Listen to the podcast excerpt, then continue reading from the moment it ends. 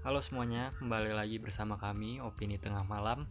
Eh, hari ini eh, kita masih berempat, eh, yaitu gua Faris, Ian, Jo, sama Bimo akan membahas dan berdik- berdiskusi mengenai film yang baru eh, rilis di waktu dekat ini yaitu Dread Out. Ya, jadi podcast ini akan berisikan ya kayak biasa. Jadi kami akan ngasih sinopsisnya dulu, terus kami akan mereview dan oke reviewnya udah pasti bawa-bawa spoiler ya akan membahas tentang filmnya ini menurut opini masing-masing dari kami. Mungkin Joe bisa membacakan sinopsisnya. Jadi eh, sinopsis dari film ini ada kelompok pelajar SMA. Nah mereka itu kayak pergi ke satu apartemen yang angker dan mereka ya biasa anak-anak muda sekarang ya nyari popularitas, nyari follower iya nyari follower dengan live ke tempat angker gitu. Tapi di sana mereka nggak sengaja ngebuka portal untuk ke dunia lain. Nah di ini spoiler gak apa-apa ya? Enggak ini dulu ya. sinopsis- Sinopsis dulu. Berarti kurang lebih kayak gitulah Kurang lebih kayak sinopsisnya. gitu lah. Oke. Jadi film ini itu diambil dari video game video game disutradarain oleh Kimo Stambul ya diperanin oleh Jeffrey Nicole yang gue tahu itu doang sama ya itulah pokoknya nah sama gak sih kayak di game sebenarnya Beda. Sebenarnya beda sih. perbedaannya sih? Kalau di Karakternya si Linda sama tapi ya. uh, karakter gue rada lupa sih kalau Setahu gue sih si di game juga karakter utamanya si Linda itu dan mungkin konsepnya sama. konsepnya eh, sih sama ya apa bisa ngalahin setan dengan cara menggunakan flash kamera handphone ya. jadi loh. berarti tema gamenya tuh mirip-mirip sama Fatal Frame ya dulu ya Iya, jadi dibandingin sama Fatal Frame versi Hmm. Indonesia gitu. karifan lokal Hmm. Iya. cuma kalau buat jalan ceritanya sendiri pasti beda sih sama video gamenya kalau di game mereka itu kayak per- pergi ke pergi ke sama tour lah ya? iya guys tapi nggak satu kelas gitu loh oh cuma beberapa orang dan ada gurunya juga dan mereka pergi ke satu bangunan gitu eh, terus di sana baru deh mulai kejadian-kejadian horor ya. Hmm, oke jadi kalau apa namanya lu kayak mikir ah ngalahin setannya cuma pakai flash ya? Flash. Ya kamera. Bukan karena maksudnya ya itu diambil dari video game gitu. Jadi kayaknya filmnya juga pasti masih ada unsur nggak terlepas dari video gamenya itu ya? Hmm. gitu. Jadi menurut gua ini ya bisa dibilang wajib nggak wajib sih ditonton. Kalau menurut gue ya wajib lah support iya film ya Indonesia. support film Support Indonesia dong. pasti. Film menurut gua nggak nggak nggak jelek kok. Menurut gua ya dibanding film horor Indonesia yang lainnya menurut gua ini cukup bagus menurut gua Gitu. jadi lu mungkin yang suka film horor ya lu bisa nonton ini sih nyoba menurut gua dibanding film horor lainnya. Mungkin kita masuk ke review kali ya. Review spoiler dari Nah. pendapat masing-masing ya mungkin siapa duluan yang mau ngebuka Mungkin gue dulu review singkat.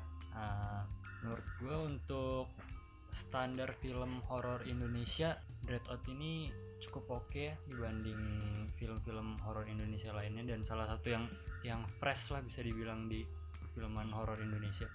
Tapi menurut gue eh, apa dari segi cerita mungkin eh, lumayan, tapi masih banyak yang nggak diceritain di film itu. Dan untuk dari apa penyutradaraan cukup oke dan pengambilan gambar juga oke. Tapi yang kurang menurut gue dari segi acting dialog Eh, menurut gue yang kurang terutama paling utama tuh di segi acting sih. Hmm. dari pemeran-pemerannya. Mereka kadang-kadang suka over. kayak saut-sautan gitu loh di pas di suatu scene pas mereka lagi barengan jadi bising ya Iya dan agak sedikit mengganggu.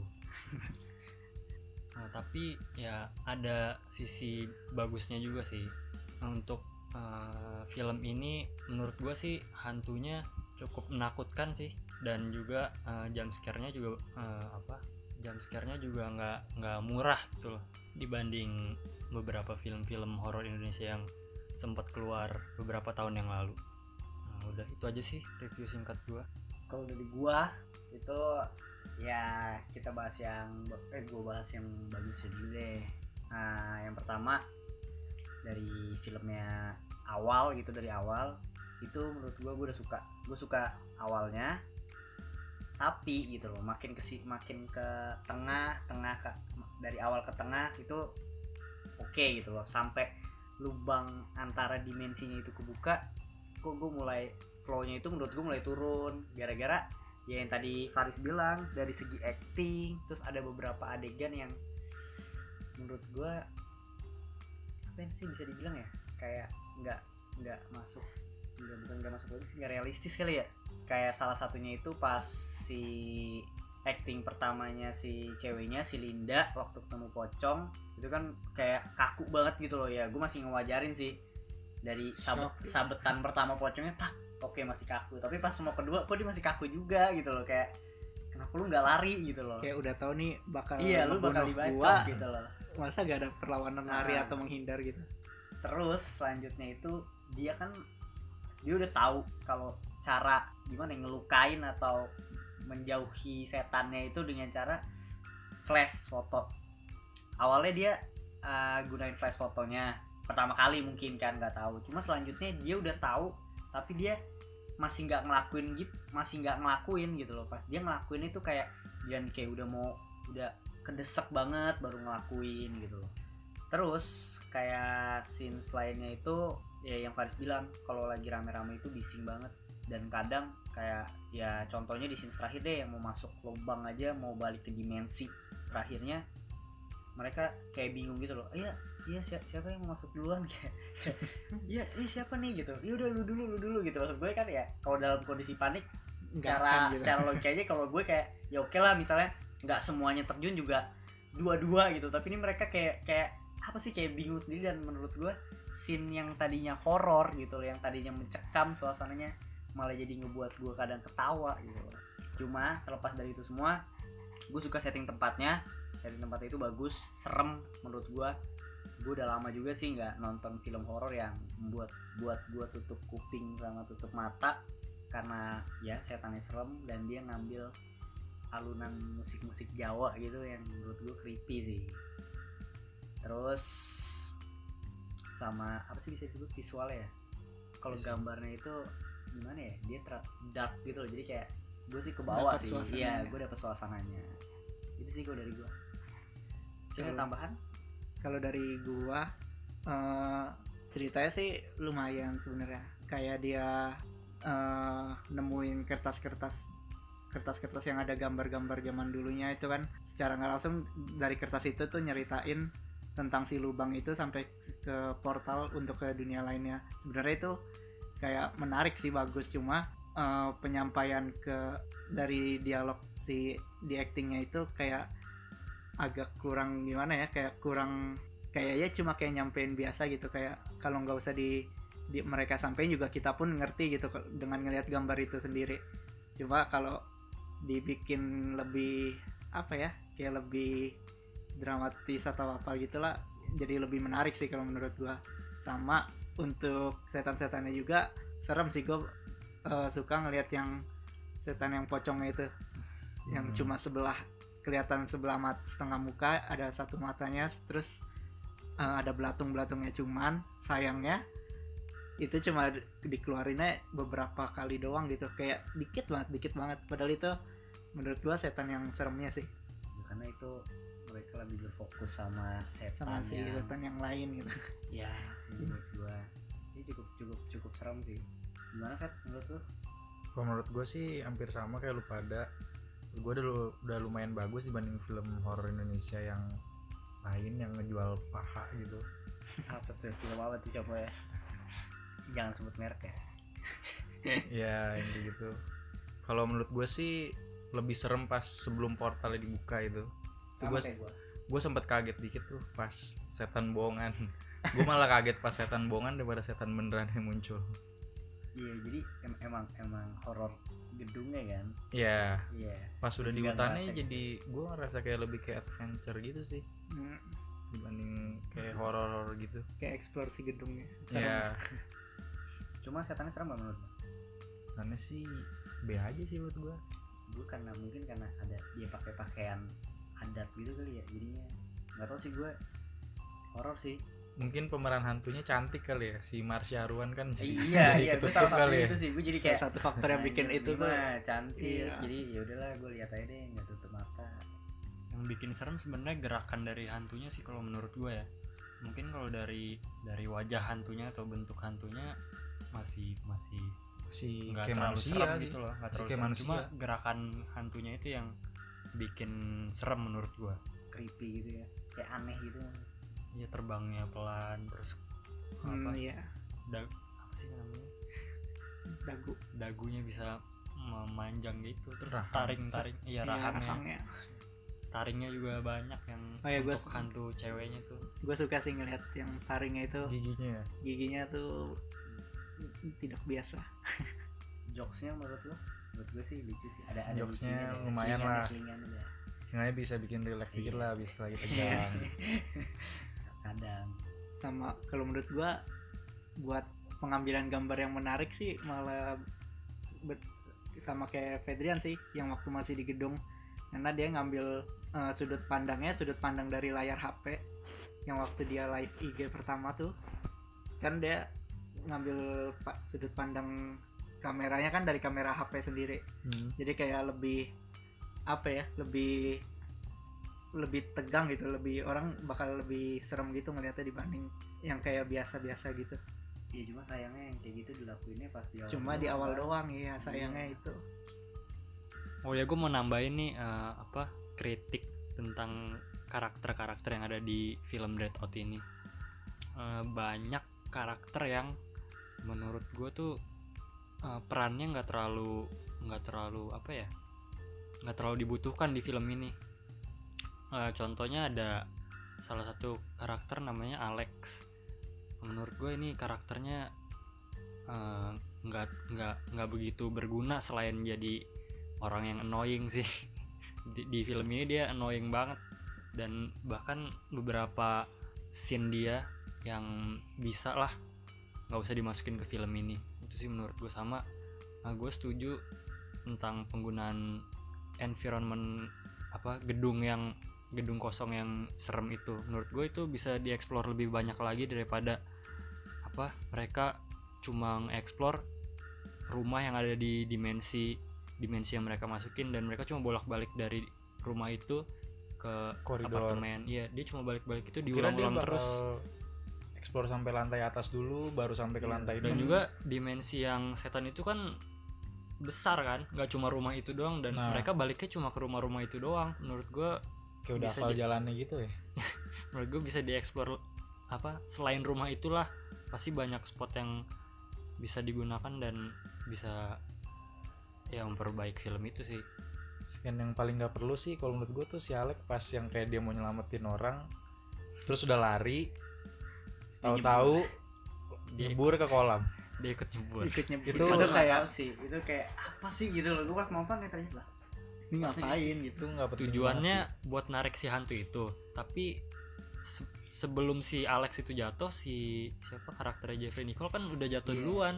Iya. Padahal dia juga bisa narik si hantu itu kan. Enggak tapi kalau si si Jeffrey kan karena dijatuhin. Kalau gua masih. Tapi itu itu pun udah udah aneh menurut gue yang kayak kan mereka kabur nih semuanya. Tinggal si Linda kan. Mereka udah kabur lama terus si Linda lagi diserang. Tiba-tiba si gue nggak tahu lupa nama karakternya. Eric ya yang main Jeffrey Nicole tiba-tiba muncul. Hah, kayak gue mau nyelamatin Linda gitu. Wih berantem nih. Udah gue pikir Jeffrey doang Jeffrey dita- diceburin kan. Yang gak lama Alex muncul lagi kayak muncul yang tadi lu bilang sih tiba-tiba nyebur terus narik kayak. Hah? Ya, sebenarnya pas si Alex datang tuh kayak oh ini orang mau nyelamatin cuma pas dia masuk kok jadi malah yang ngejatuhin sendiri.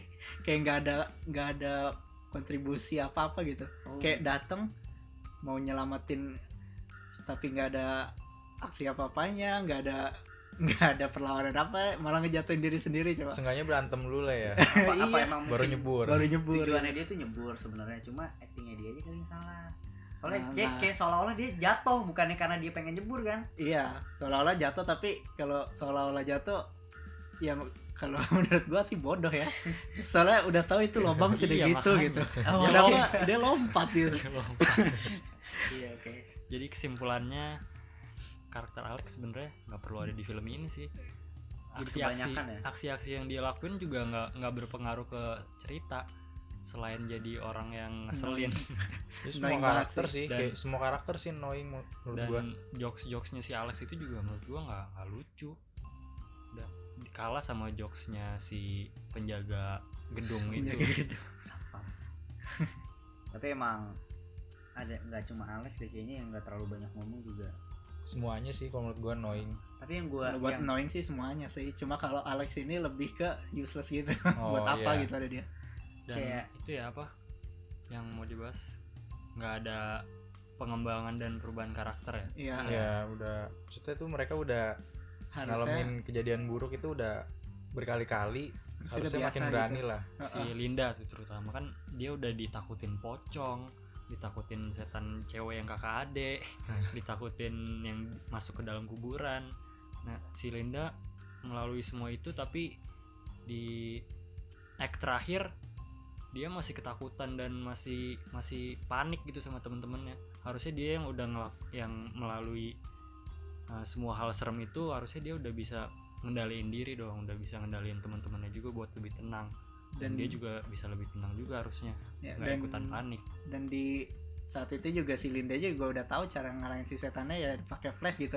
Hmm. tapi tetap aja dipakainya di akhir-akhir setelah udah kepepet baru make iya yang kayak yang tadi gue bilang yang udah dicekek tiba-tiba ngeluarin HP sambil teriak kayak ah tak tak tak tak tak mencet handphonenya gitu gue bilang kan lu kenapa kenapa nggak dari tadi sih? Gitu loh. Terus hantunya juga ya lu kan bisa ngendaliin kayak barang-barang gitu lu lempar aja itu HP kalau emang nggak mau difoto gitu. Iya. Menurut gue sih gitu. Dan juga ada itu kan ada adegan yang saat HP-nya tuh flashnya nggak mau nyala. Dan tiba-tiba di scene berikutnya nyala dan itu nggak ada sebabnya kenapa bisa rusak dan kenapa bisa bener lagi. Itu sih ada agak sedikit aneh ya emang. Ada satu sih yang menurut gue masih mengganggu. Gitu. Yang yang di kuburan pak. Yang ada grepe-grepenya itu. Oh, sempet ya. di situ sih. Itu si cewek jatuh gitu loh. Terus sebenarnya itu perlu nggak sih? Apa? Kayaknya kalau itu dihilangin Masih bisa aja terus. iya deh kayaknya. Masih bisa mereka cuma terus. mau lari kan? Iya. emang. terus jatuh terus naik lagi. Iya. Terus tapi kayak tapi sebenarnya jatuh sebelum lama kayak teriak-teriak dulu ah terus balik. Terus si Jeffrey nya gue pikir turun langsung wah nyelamatin bikin cepat gitu. Tapi kayak Ternyata dia turun ikutan kayak- digrepe Di toel-toel. habis itu si Lindanya malah dari atas motor mau cek cek dengan berbagai angle nya dia kan satu sini sini gitu. Dan pas dia moto itu tangan tangannya nggak ada efeknya sama sekali sih saudara. Sama yang gua aneh si tangan yang di dalam kuburan itu kan sebenarnya tujuan si tangan itu pertama kan untuk narik orang Untuk ke narik. dalam kan. Ya, cuma lama-lama kenapa cuma tangannya jadi cuma goyang-goyang doang kayak di rumah hantu ya. nakut-nakutin doang kayak nggak ada upaya buat narik orang gitu jadi kayak cuma cakar kayak gitu yang iya kayak gitu buat nyakitin atau apa cuma ya pajangan aja gitu menurut gue sih dari penjaga apartemennya itu menurut gue harusnya kayak lebih dewasa gitu loh. Kan mereka kan dia oh dia ya. kan dia kan lebih udah lebih lebih tua lah lebih tua kan ya. Harusnya bisa lah mengayomi yang anak SMA itu biar nggak usah panik, tapi emang nggak usah mungkin teriak-teriak. karakternya kayak gitu kali yang membuat lucu kayak ya di situ kali yang Satpam itu ya menurut gua tapi anehnya mungkin karena dia dewasa tapi sifatnya lebih ke anak-anakan daripada yang anak-anak gitu Hmm. Nah, iya deh. Iya, bisa jadi. ya sih jadi berarti bisa ditarik kesimpulan kalau menurut gua lebih ke karakternya kali ya yang Kurang sih. filmnya jadi iya sih yang harusnya adegannya lagi seru-seru tapi malah dari acting si karakternya atau tingkah si karakternya yang membuat menurut gue yang jadinya serem tapi jadi atau enggak? Jadi kayak ketawa gitu loh. Hmm. gue pikir Jeffrey Nicole tuh jadi peran yang wih hero nih gitu kan. Eh ternyata ya sama aja dengan Sama aja karakter lainnya. Nah, kalau menurut lu pada base campnya Dreadout ini ada di mana nih? Kalau dari gua sih yang pas hantu kebaya putihnya sih ngerangkak terus muterin kepalanya sih tuh serem sih. oh Basins tuh yang yang lagi ngerangkak gitu ya? Nah kalau Basins menurut eh gue sih mungkin di awal-awal doang sih. Di awal-awal yang yang mana sih? Yang pertama dikagetin tuh yang bukan setan sih gitunya itu menurut gue serem banget sih. Dan masih apa ya? Mencekam yang gue sampai nutup nutup mata gitu. Karena kan dari settingan tempatnya yang tadi gue bilang serem gitu gitu sih gue dari gue kalau gue mungkin hmm, waktu si siapa? Marsha itu pertama kalinya kemasukan rohnya si hantu perempuan yang kebaya merah itu sih yang badannya sampai ada urat-urat gerak-gerak itu sampai gerak-geraknya cepet banget. Itu sih mungkin agak sedikit serem. Kalau gua gua sih suka scene yang si yang si Jessica-nya itu pertama kali masuk ke dunia lain terus eh, ngelihat eh, apa si Jessica-nya kan nggak sadar diri tuh. Terus lagi disisirin sama eh, hantu yang Baya putih. kebaya putih itu itu sih serem sih. Kayak sambil si kebaya putih ngomong-ngomong pakai Bahasa bahasa, Jawa. Sunda. Itu bahasa Sunda. Bahasa Sunda ya? Bahasa Sunda. Gue pikir Jawa loh. Bahasa Sunda. Awalnya. Itu serem sih ngeliatinnya kayak udah gitu didandanin pakai kebaya juga lagi kan. Kalau gue sih itu sih. Oke sebelum ditutup nih podcast Dread Out ini gue mau nanya sih ke masing-masing nih dari teman-teman gue nilai untuk film Dread Out. Berapa? Dari, Dari Fedrian. Fedrian? gua 6 6 6,0 dari 6,0 10. Oke. Gue juga 6 sih balik Lalu Jo? ya gue 6,3 per 10 lah. Iya berarti gue gue 6,5 karena gue masih ngerasain mencekamnya nggak tahu sih mungkin karena gue takut kali ya penakut nonton horor gitu. ya segitu aja nih podcast dari kami. Tunggu podcast kami selanjutnya. Dan tetap di opini tengah malam. Bye bye